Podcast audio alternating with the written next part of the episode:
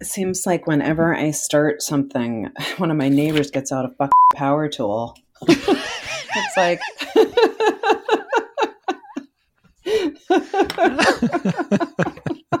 There's your outtake.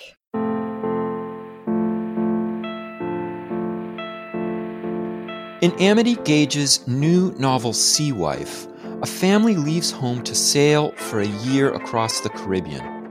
For Michael and Juliet Partlow, the boat is a place of adventure, but it also becomes a crucible for their marriage.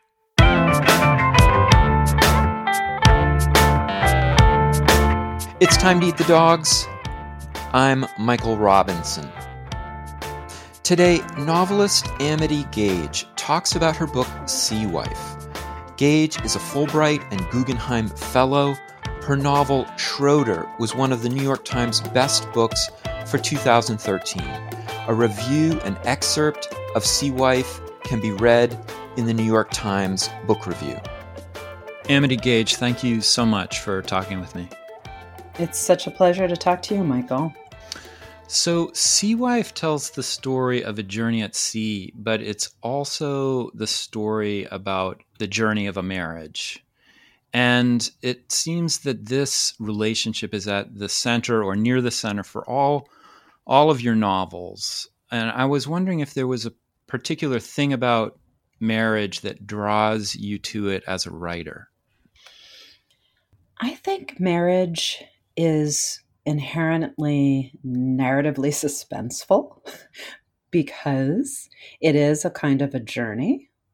50% of them get to the other shore, and quite a number of them don't, and um, people go different directions.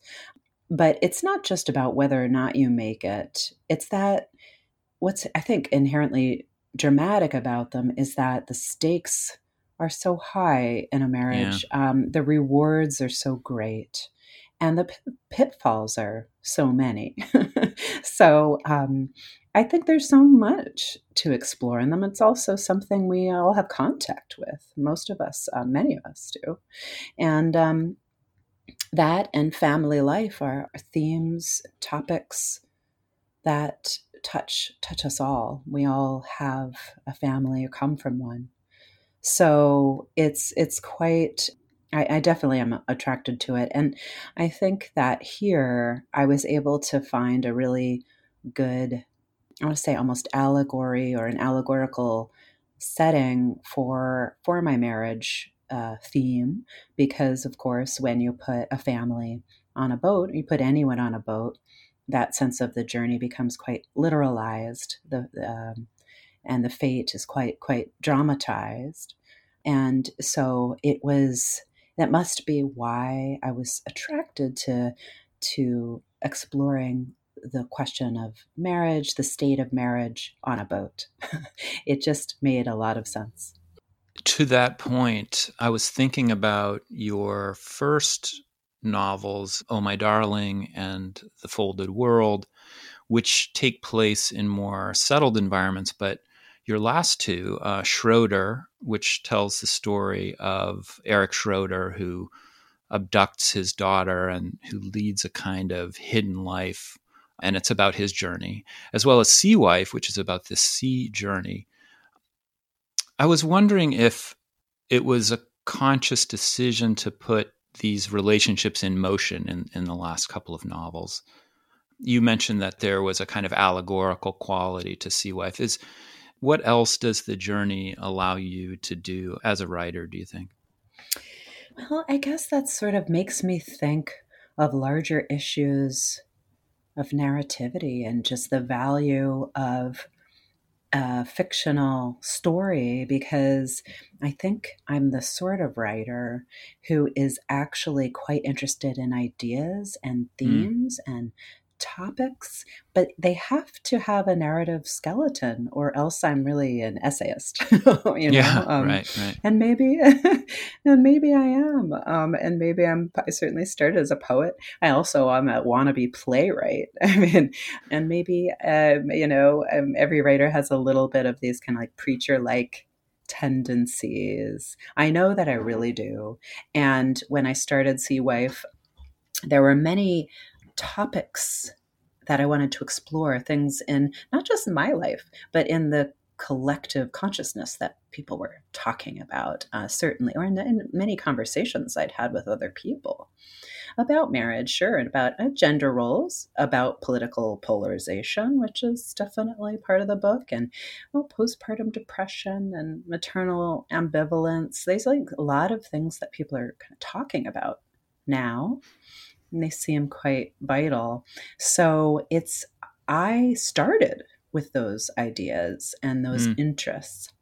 And then I need, if I'm going to call myself a novelist, I need to find the story that is going to illustrate and illuminate these topics.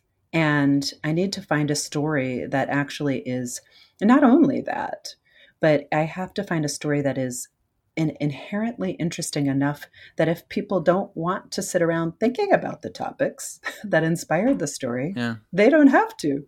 do you do you feel like as a writer you get your I guess the question is do you do you feel like uh, the the plot is something that you deploy in order to talk about these subjects that you're really interested in or are, do you get excited writing the arc of the story as well? Well, it's a great question and I'm not always conscious of the motivations. In some ways I have to prepare and then stop being conscious after I've got that preparation done? It's a great question. I think at times it's one and times it's the other. When I start out, I'm probably most interested in the topics. I want to be I want to be uh, relevant. I want to be relevant and I want to write from my time and place. So I, I start that. But then once the story uh, becomes what it should be, which is a fully dramatized story world with characters who have their own lives, and as you sometimes hear writers saying, even surprise their author um, with their just personality or humanity. Or then you start to follow rather than lead as mm. a writer. And when you get to kind of the you know last third of the book or the real climax of of the real adventure that happens that the book whole book is going towards i mean i was not thinking writing that anymore. I was mm. so deep into the work that I felt that I was following the story. Wow. That's really that's really interesting.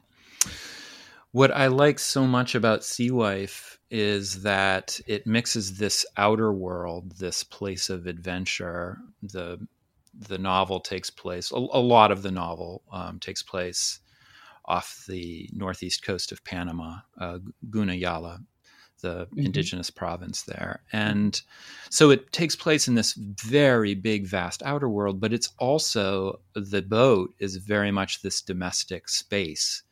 And I found it so interesting how Michael and Juliet, the uh, two central characters of the novel, they think really differently about this space as well as the experience of being on the boat. I was wondering if you could talk about that. Yeah, they do. Mike, it's Michael's idea to take the journey, and Juliet is sort of reluct goes along reluctantly. And I should say to to listeners, if they if they don't know the sort of thumbnail of the plot, they go to you know Panama to the Gunayala territory there and um, begin a sailing adventure that's supposed to be all around the Caribbean But they get stuck in various places. and they're novice sailors and they don't have a lot of experience. And um, I think that that was important element and somewhat related to your mm. question, which is that, you know, neither of them are totally confident sailors. So it really puts talk about high stakes. You know, you're bringing your children, mind you, they have a seven year old and a two and a half year old that are coming with them.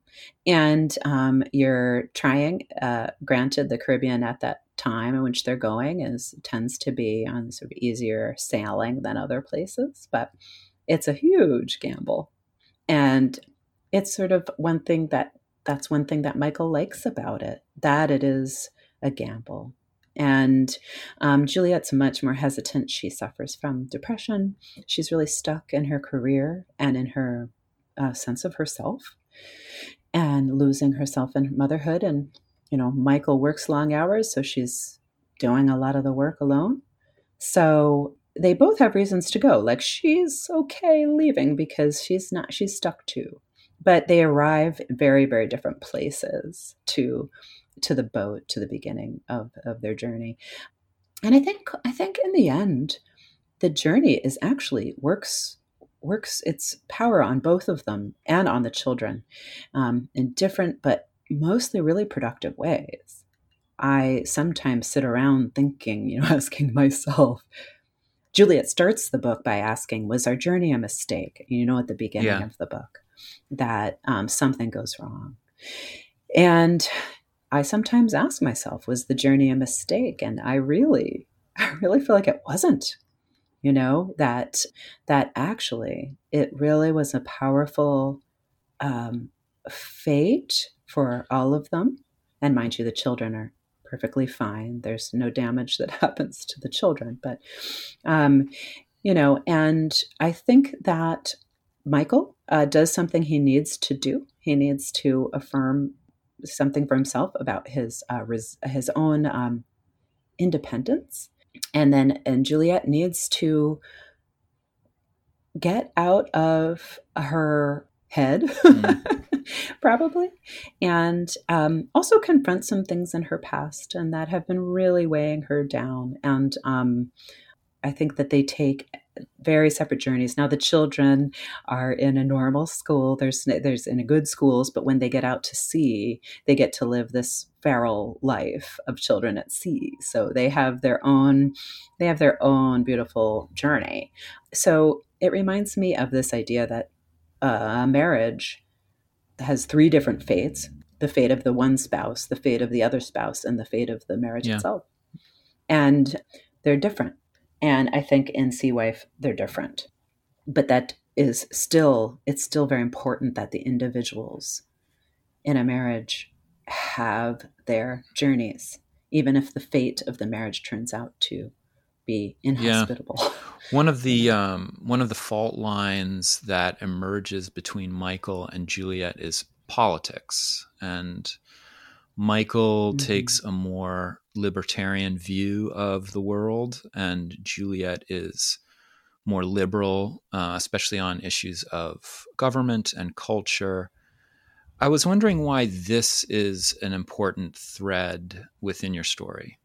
Mm. Yes, it's really very important to the story. It was very important to the creation of the story, and it was one of those um, passions or themes that really were, were central to writing it. However, it is an aspect, and the it can be sort of implicit. Um, you don't the word you know libertarian or Trump or anything is never mentioned. But what I've reduced in some ways their political uh, disparities to is something that I, I do find is at the root of a lot of our differences in this country, which is do we foreground or give priority to the rights of the individual or to the good of the society. And that's what they're representing. And Michael really, it becomes, in fact, extremely fateful to him that he believes that he needs to, wants to go it alone, and he has the freedom even to endanger his own life and he doesn't want government help. and Juliet, on the other hand, she's like, "What? Let's get help! Like, um, let's let who like we, you know, gosh, we're just tiny little people. We need help." And uh, they they do have some explicit conversations about their political differences, um, but their whole uh, their lives are impacted um, by these separate beliefs and the and the way that they treat you know independence versus social social bonds and social yeah what's so interesting to me about that theme in this novel is that it certainly speaks to the current political moment where there are couples all over the country um, that are debating this this same issue um, but it's also a very mm. personal issue between the two of them and it connects or it becomes connected to issues such as childcare and the, the dependency of children and um, not going it alone, but mm-hmm. going it with your mm-hmm. family. And at this other level, you know, putting on mm-hmm. my history of exploration hat, it's very much this kind of libertarian idea of going it alone is very much attached to a kind of ethos in exploration people who um, want to do things hmm. unassisted mm. i mean in fact when michael talks about this he reminds me so much of chris mccandless who's uh, chronicled in uh, jon krakauer's book uh, into the wild anyway i don't know if you mm. have any hmm. thoughts mm-hmm. about that but i just thought the level the levels the different levels of that issue are really interesting I totally agree that there's a connection there. There's a temperamental connection, probably, between some sort of political libertarianism and a desire to explore unassisted or to, to get off them. I think there's actually some integrity to people who want to get uh, to go it alone and actually do that in a physical sense and actually do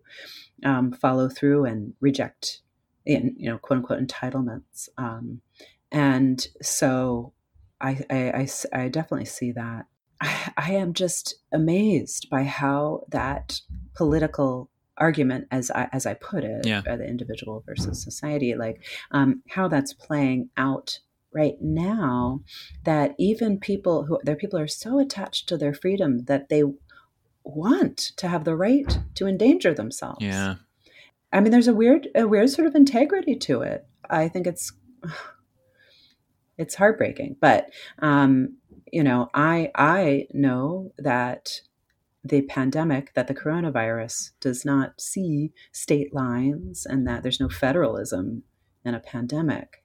And I know we are sharing are sharing a fate, but it really triggers a lot of people um, things that they. It, it's very challenging, obviously, to any sort of libertarian who um, wants to preserve that right to go it alone. Yeah. Um, yeah. Yeah. I mean, to go it alone.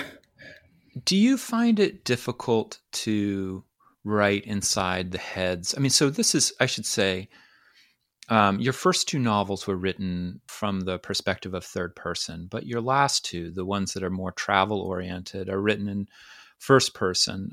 And in the case of, of Schroeder, you, you're writing from the perspective of Eric Schroeder, who he's, you know, he's rationalizing his decision to abduct his daughter. And Michael Partlow is a very different character, but he's also somebody whose views on certain things, such as uh, the role of the federal government, are fairly extreme. And I was just wondering is it difficult to write from that perspective of someone who might hold very different views from you? It is. But I would push back a little bit about his ideas being extreme. I mean, I, I think that what Michael represents for me is a conservative type of guy in a blue state. And I think when you hear from some folks you know, in that position, it's actually pretty common feeling of the, some of his feelings of I'm such the you know I'm the bad guy I'm the shamed minority here and it's pushing me it's radicalizing me I actually mm. think that's very common right now and I'm I'm very sad about it I think that I think yes, yes, it's it's hard to sympathize. It's hard to sympathize with Michael for a couple reasons. I mean, one is he's a man, and um, I have actually I have a great deal of sympathy for men. You know that, Michael. We have a friendship outside of this podcast, and um, you are a incredibly sensitive and wise and gentle man. And I have I have some of those men in my life, including my own father, was like that.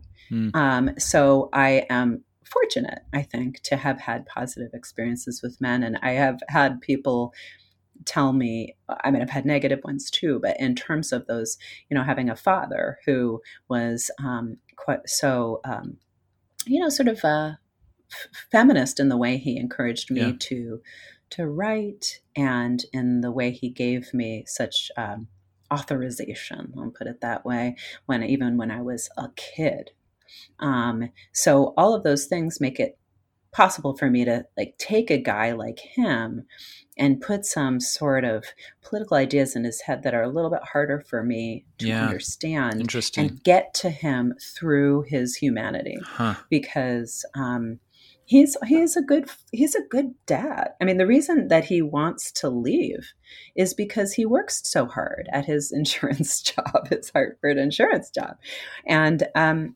he he doesn't that's not okay with him. So he, you know, there's a scene in which he's he's quite close with his daughter, the older child, and they they sit around just trading bottle caps, and he's like, I know people were really worried about us going on this trip with the kids, but let me ask you, when's the last time your dad spent a whole morning listening to you? Yeah, you know, and so I think he's aware that he wants to do a better job as a dad. I think a lot of my peers my age are are much more involved um, fathers than previous generations. There are things that I sympathize with him about, and that makes it easier for me to say, "Oh, okay. Well, I can now and I can now explore things that I I don't understand about him." He's also um, much more willing to talk about love than Juliet is. I mean, he mentions it many mm. times how much he loves Juliet. I, I don't think he has a language for talking to her about it exactly but mm. um, he he talks about it many well, times. Well, that's one of the poignancies. Yeah, I think he does. I think he really actually through the course of um, you know, so so his his logbook is excerpted throughout the entire novel. It's mostly narrated by Juliet in the present, but his logbook is is this a second half of the narration, you know, and and as she's as Juliet is is reading it, there's this kind of a little poignancy as some of these things in it are things she's just hearing about, you mm. know? And I would say, I realize that that's a little sad for some readers. Yeah. For me, I think what I what I feel is that the book is saying just love each other while you can. I mean, you know, say things to each other while you can. Mm. And maybe take that trip while you can and do everything you you know so it's it's to me it's more of an aff- affirmation in the end you know that it's it's too bad he should have said some of these things earlier to her you know? yeah you know um to get back for one minute to the voice you use in telling um, this story as a as a first person story told from the perspective of two different people Mm-hmm. I was thinking that it, what's interesting about it is at any given time you only have one witness for the events that are unfolding, and in and in Sea Wife at times the the two voices are actually kind of talking to each other um, about particular yeah. events but we do see it through this kind of uh, limited perspective of the individual. And I was thinking how much that also connects to um, the kind of work that historians of travel and exploration do, because oftentimes we only have one voice from the voyage mm. to tell us what's there. And there's so much that remains hidden. And so much of our work, especially nowadays, is to try to, let's say, give voice to the people who are in the story that we actually don't have any record of uh, indigenous peoples or other people on the ship. Um, but I was thinking, as a novelist, that may may not be um, the same problem. I mean, do you think there's an advantage to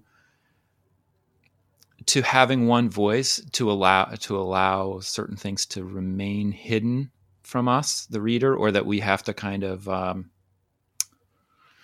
I don't know, uh, deduce from reading between the lines? Hmm.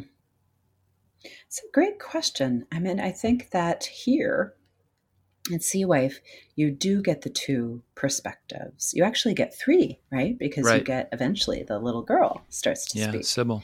And um, yeah. So uh, I think that's something that I really like about fiction is, and certainly fiction that deals with the very question you bring up, which is is one point of view reliable? Or the question of just reliability in general. Because I, I, as I did with Schroeder, um, really do like to explore that as a theme. Are we unreliable simply by the very nature of our singleness, you know, mm. of our of the our own that we are only one person and that we only have one point of view. Does that make us unreliable just because then we can't, yes, we can't get the array of um, voices that that true reliability would take. Um, and so I, I, like to explore that in a in a novel. You can work with unreliability in a productive way. So I think when they go back and forth, when they go back and forth like that, you it, it, absolutely you see how they they see things differently. And don't we all? Yeah right, right, you know for for him he loved there's like one scene where he just loves he's like um when they go out of sight of land when they go into a kind of a real crossing where they leave the site and most of the journey they're really just kind of noodling along the yeah. coast and it's quite quite quite nice um, and then they have they take this bold move and um, as soon as they leave sight of land, they have very different reactions to that. Yeah. Michael's like, look, this is it. He's so excited. Yeah. He's like, this, this is it. This is life. No, this is it. You're on your own. There's no, there's no landmarks. Yeah. There's no signpost. There's no, it's just you carrying your own life and he's really excited about that. And um, Juliet's like, "This is terrifying." Yeah, yeah. and um, and not only because um, not only because she's far from help, but also because she has to confront herself, and um, that that is scary. Like this uh, un unmediated, what she call like unmediated selfhood. No, you know, to kind of how we feel, kind of how we feel these days in quarantine. Like, oh, so it's true. myself, so 24 true. hours a day. Too much um, self. So, uh, too much self. Um, so, uh, yeah, you see, you see there, and it was something that was so fun about writing the book was moving between those two points of view and then eventually three points of view and then having it be like a, a chorus and a uh, one uh, um, someone was comparing it to music and point and counterpoint. Um, and um, I like that comparison. To prepare for Sea Wife, you did a lot of research um, on on sailing families, and you spent a lot of time with two families. What struck you about your experience with them? Uh, I started my research agnostic or unsure about how I really felt about people who sail with their kids. Clearly, I was interested in it and fascinated by it, largely because I'm not remotely brave myself. I don't I don't take those kinds of risks. But um, you know, and so and there are definitely stories of families. I mean, people do um, the people are lost at sea. That that obviously happens. Um, but I would say, you know, doing the research, it just became a little bit more like um, an understandable thing. Hmm. Um, I admired them, and um, I admired them without necessarily wanting to do it myself.